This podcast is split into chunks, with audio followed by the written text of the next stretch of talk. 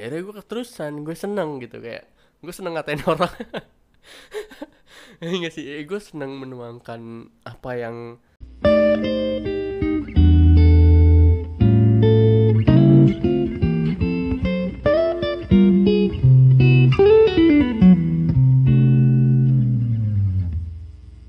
Selamat datang di podcast Kriba Kribo. Eh, mungkin banyak yang tahu bahwa gue sebelum di sini tuh ngeblok dulu gitu. Tapi setelah gue pikir-pikir ya, gue kayaknya belum pernah cerita di mana pun deh kayak tentang gimana sih awal mula gue ngeblok, kayak sejak kapan gue suka nulis, apakah emang dari dulu kah atau eh, justru tiba-tiba ah justru tiba-tiba. Justru ternyata kayak baru-baru aja gue belakangan ini gue suka baca dan apa sebagainya gitu. Ah, apaan sih gue ngomong apa ya lah? Dan lain sebagainya gitu ya. Ya, makanya gue mau coba cerita di podcast ini. Ya mungkin kalau buat lo yang belum tahu iya gue sebenarnya sebelum podcast dan apa segala macam ini gue bermula dari ngeblok dulu. Karena apa? Gue ceritain perjalanan panjangnya. Jadi gue itu sebenarnya dari SD eh, waktu gue SD gue suka banget baca komik. Komik apa pun komik Son Dragon Ball waktu itu apa Detektif Conan. Tapi Detektif Conan gue tidak terlalu ngikutin banget. Karena apa? Karena di dalam komik-komiknya tuh banyak teksnya gitu. Jadi dulu tuh gue nggak suka baca yang tulisannya tuh kesannya banyak gitu. Kayaknya ngantuk aja gitu. Jadi ya kayak komik-komik eh, Dragon Ball apa Shot kalau nggak salah namanya. Shot tuh eh, Kung Fu Boy kayak penciptanya Kung Fu Boy tapi biliar gitu-gitu deh gue suka ngumpulin komik terus-terusan dari SD setiap bazar tuh gue pasti beli komik. Orang-orang pada mil Milo gratisan gitu kan. Gue belinya komik apa segala macam. Sampai SMA terus lanjut SMP mulai ada eh, apa internet masuk ada game online terus eh, gue beli World Truck Harvest Moon gitu terus gue beli eh, apa sih komik yang kayak cuma se chapter dua chapter gitu-gitu tapi ada gabungannya gue lupa tuh namanya apa terus eh, SMA juga sampai SMA gue terus ngikutin mulai Death Note nggak salah sampai komik-komik yang ya kita teh Japan, Rocketman, pokoknya yang aneh-aneh Sherlock Holmes juga gitu-gitu. Sampai akhirnya di SMA akhir gue mau UN, lemari gue udah nggak cukup dan bokap gue kayaknya ngerasa kok anak gue beli komik mulu ya, baca komik mulu, bukannya baca buku pelajaran gitu. Akhirnya dibuang lah dalam tanda kutip. Yang gue baru tahu belakangan bahwa ternyata disimpenin gitu. Ada dimasukin satu koper gede disimpan sama dia nggak dibuang. Sampai sekarang pun nggak dibuang. Paling cuma ya hilang beberapa dipinjem apa segala macam. Nah sampai akhirnya di situ gue kayak ngambek gitu lah aduh kok gue udah beli komik gue tiap hari nabung 2000 2000 zaman itu komik kalau nggak salah 7500 deh. Dan gue ingat banget gue ingat banget satu pencapaian gue dalam komik adalah waktu gue umur 16 tahun kalau nggak salah ya. Gue 16 tahun tuh gue seneng banget karena beli Crayon Shinchan. Gue beli komik Crayon Shinchan. Karena kalau nggak salah dulu tuh ada tulisannya untuk 15 tahun ke atas atau apa gitu atau 16 ya pokoknya semenjak gue umur itu hal pertama yang gue pengen beli dan gue penasaran banget dari dulu adalah gue beli komik Crayon Shinchan ada stikernya gitu gaul. Ya emang agak kecemen ya mohon maaf agak beda. Nah singkat cerita komik gue udah nggak apa segala macam kan masuklah gue di perkuliahan. Di perkuliahan gue kayak gue kan kehutanan IPB ya dan gue ngerasa salah jurusan gitu. Karena gue pengennya tadinya kayak komputer apa segala macam. Cuman kan saya bodoh gitu ya. Saya kan bodoh gitu saya tidak ket- keterima. Akhirnya gue keterima gue ngambil cadangan gue sama kayak kakak gue kakak gue kakak gue adalah kehutanan IPB juga gitu. Ya beda dua tahun di atas gue lah dua angkatan di atas gue Nah sedih dah tuh gue Cuman karena tahun pertama di IPB itu kayak Apa ya hitungannya? Eh mat matrikulasi atau apa gitu sebutan Jadi kayak Ya dia SMA tapi SMA kelas 4 lah. Jadi semua itu belum masuk di jurusan gitu. Dari semester 1 semester 2 masih eh, mata kuliahnya mati mata kuliah yang sama kayak kita pelajarin di SMA Men- menginjak semester 3 semester 4 gue baru mulai ngerasain aduh aneh banget gue udah aneh salah jurusan. Terus kan itu zaman zamannya ospek gitu ya ya dan ada pesawat teman-teman ya halo minta uang itu kan zaman zaman ospek yang gahar terus gue kehutanan gitu lo bayangin kehutanan ospeknya kayak apa gitu. Teknik aja lo kan bisa bayangin orang teknik tuh gembleng apa segala macam. Nah ini kehutanan hutan ya hutan hei hutan. Jadi di situ kita semua kayak waktu masa-masa ospek kayak kelas gue angkatan gue gitu punya satu musuh bersama senior gitu. Adalah senior besar beda jurusan sama gue tapi masih kehutanan juga. Dia nggak tahu lah senior udah lulus atau belum kayaknya udah mau mau lulus gitu lah sampai akhirnya kita gedek banget tuh sama dia ya. sampai akhirnya di waktu lain gue ikut jadi panitia kayak pensi semacam pensinya IPB gitu. Gue di bagian sponsorship kita ngundang Niji waktu itu. Nah di waktu itu si senior ini datang men. Gue kaget ya senior ini datang terus gue bilang ke teman-teman gue yang panitia wah ini senior yang gue ceritain gitu. Yang uh, dimusuhin sama angkatan gue di kotanan ini dia. Terus Niji main nyanyi kita semua lompat-lompat terus gue ngeliat ke arah dia karena kebetulan kita cukup deket gitu gue bisa ngeliat dia loncat-loncat juga. Tapi kayak monyet jelek jelek jelek. Kayak kayak apa loncat loncat jelek karena kita kan biasanya ngeliat dia serem gak har gitu nyuruh nyuruh eh turun lo kelompok apa segala tiba-tiba pas ninja yang gitu kan kayak kayak kingkong lepas sama belum makan gitu.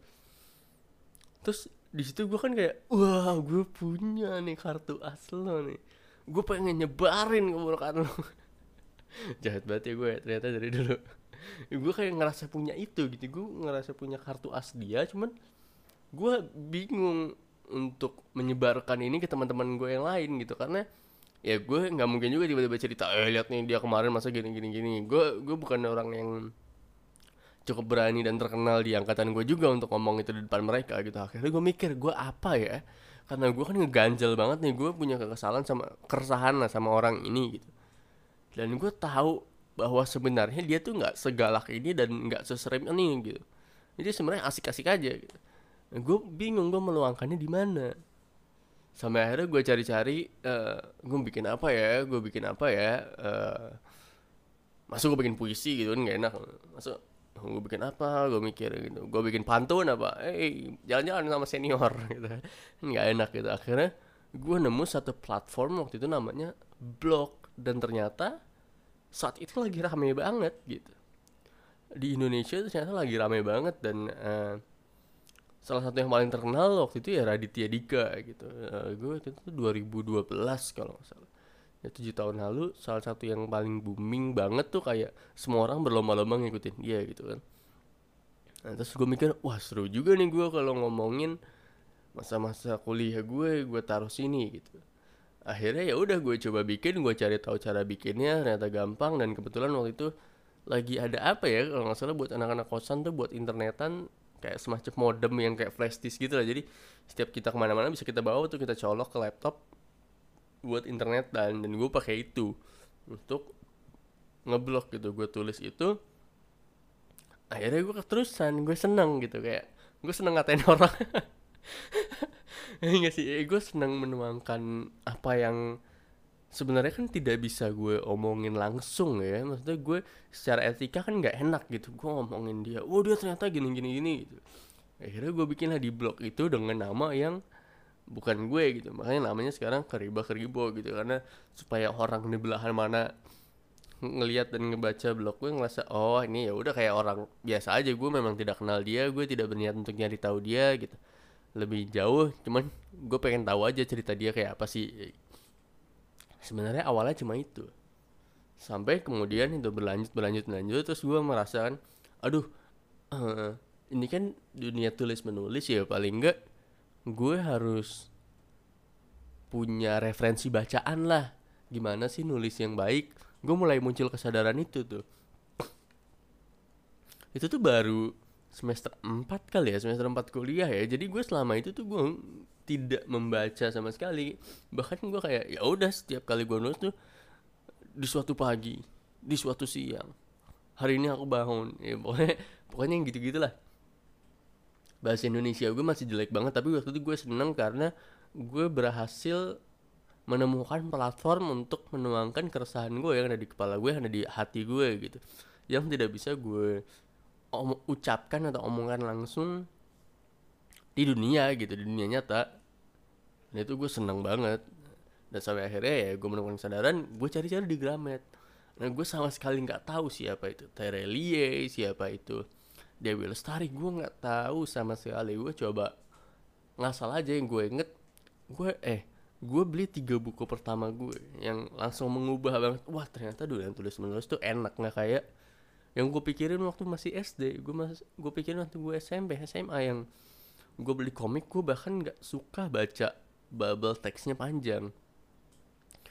Pokoknya novel pertama yang gue beli judulnya dengan novel ini aku ingin balas dendam. Itu yang nulis A titik Rangga Setia. Kenapa gue suka? Karena waktu gue kepoin uh, si A Rangga Setia itu kan menurut gue namanya unik banget ya. A Rangga Setia tuh kayak ya apa orang dulu? Iya tapi masuk ke zaman sekarang gitu. Terus gue cari gue kepo kepo kepo ternyata A Rangga Setia itu A-nya adalah ayahnya. Jadi ini anonim juga dan buat gue ini seru banget gitu. Dunia ini keren banget dunia tulis menulis jadi dengan novel ini aku ingin balas dendam itu yang nulis nama penulisnya adalah ayahnya Rangga Setia dan dia setelah gue cari tahu dia punya blog juga. Dan dia penyadap pinus. Jadi kayak bapak-bapak mas-mas itulah penyadap pinus. Di mana ya? Gue gue lupa sekarang. Gue lupa jujur. Sumatera kah atau Kalimantan dia penyadap Yunus dan gue berharap dia masih bahagia. Dia di blognya dia suka nulis perjalanan dia lagi di sawah atau lagi di di hutan gitu. Terus ada gubuknya dia nulis puisi di situ. Terus dia pulang tuh kayak gue suka ngikutin banget zaman dulu. gitu. Dan apa yang bikin gue suka sama novel itu karena novel itu tuh kayak ada adatnya gitu kayak Sunda Sunda gitu lah kalau nggak salah. Dan gue bahkan gue inget banget gue nggak ngerti. Pertama kali gue baca itu gue nggak ngerti tapi gue suka sama konsepnya. Uh, jadi ada orang bisa pakai nulis orang lain yang sama kayak gue gitu dia bisa menuangkan keresahannya dan pakai nama yang berarti dia cinta banget sama anaknya ini gue tulis karena buat lo deh ini siapa penulis buku ini ya? Ayahnya Rangga Set ya ayahnya anak gue gitu. Dia punya blog dia menceritakan juga di blog. Dan novel itu meta kan meta tuh ya jadi dia di dalam novel itu ada karakter yang nulis novel juga.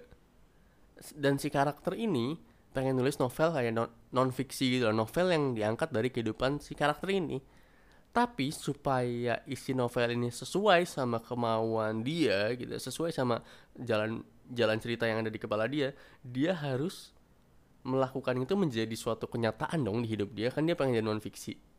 Nah itu serunya. Jadi dia berusaha membuat dunia nyatanya kayak sesuai dengan mindset dia agar itu bisa dia tulis di buku yang berasal dari kehidupan dia.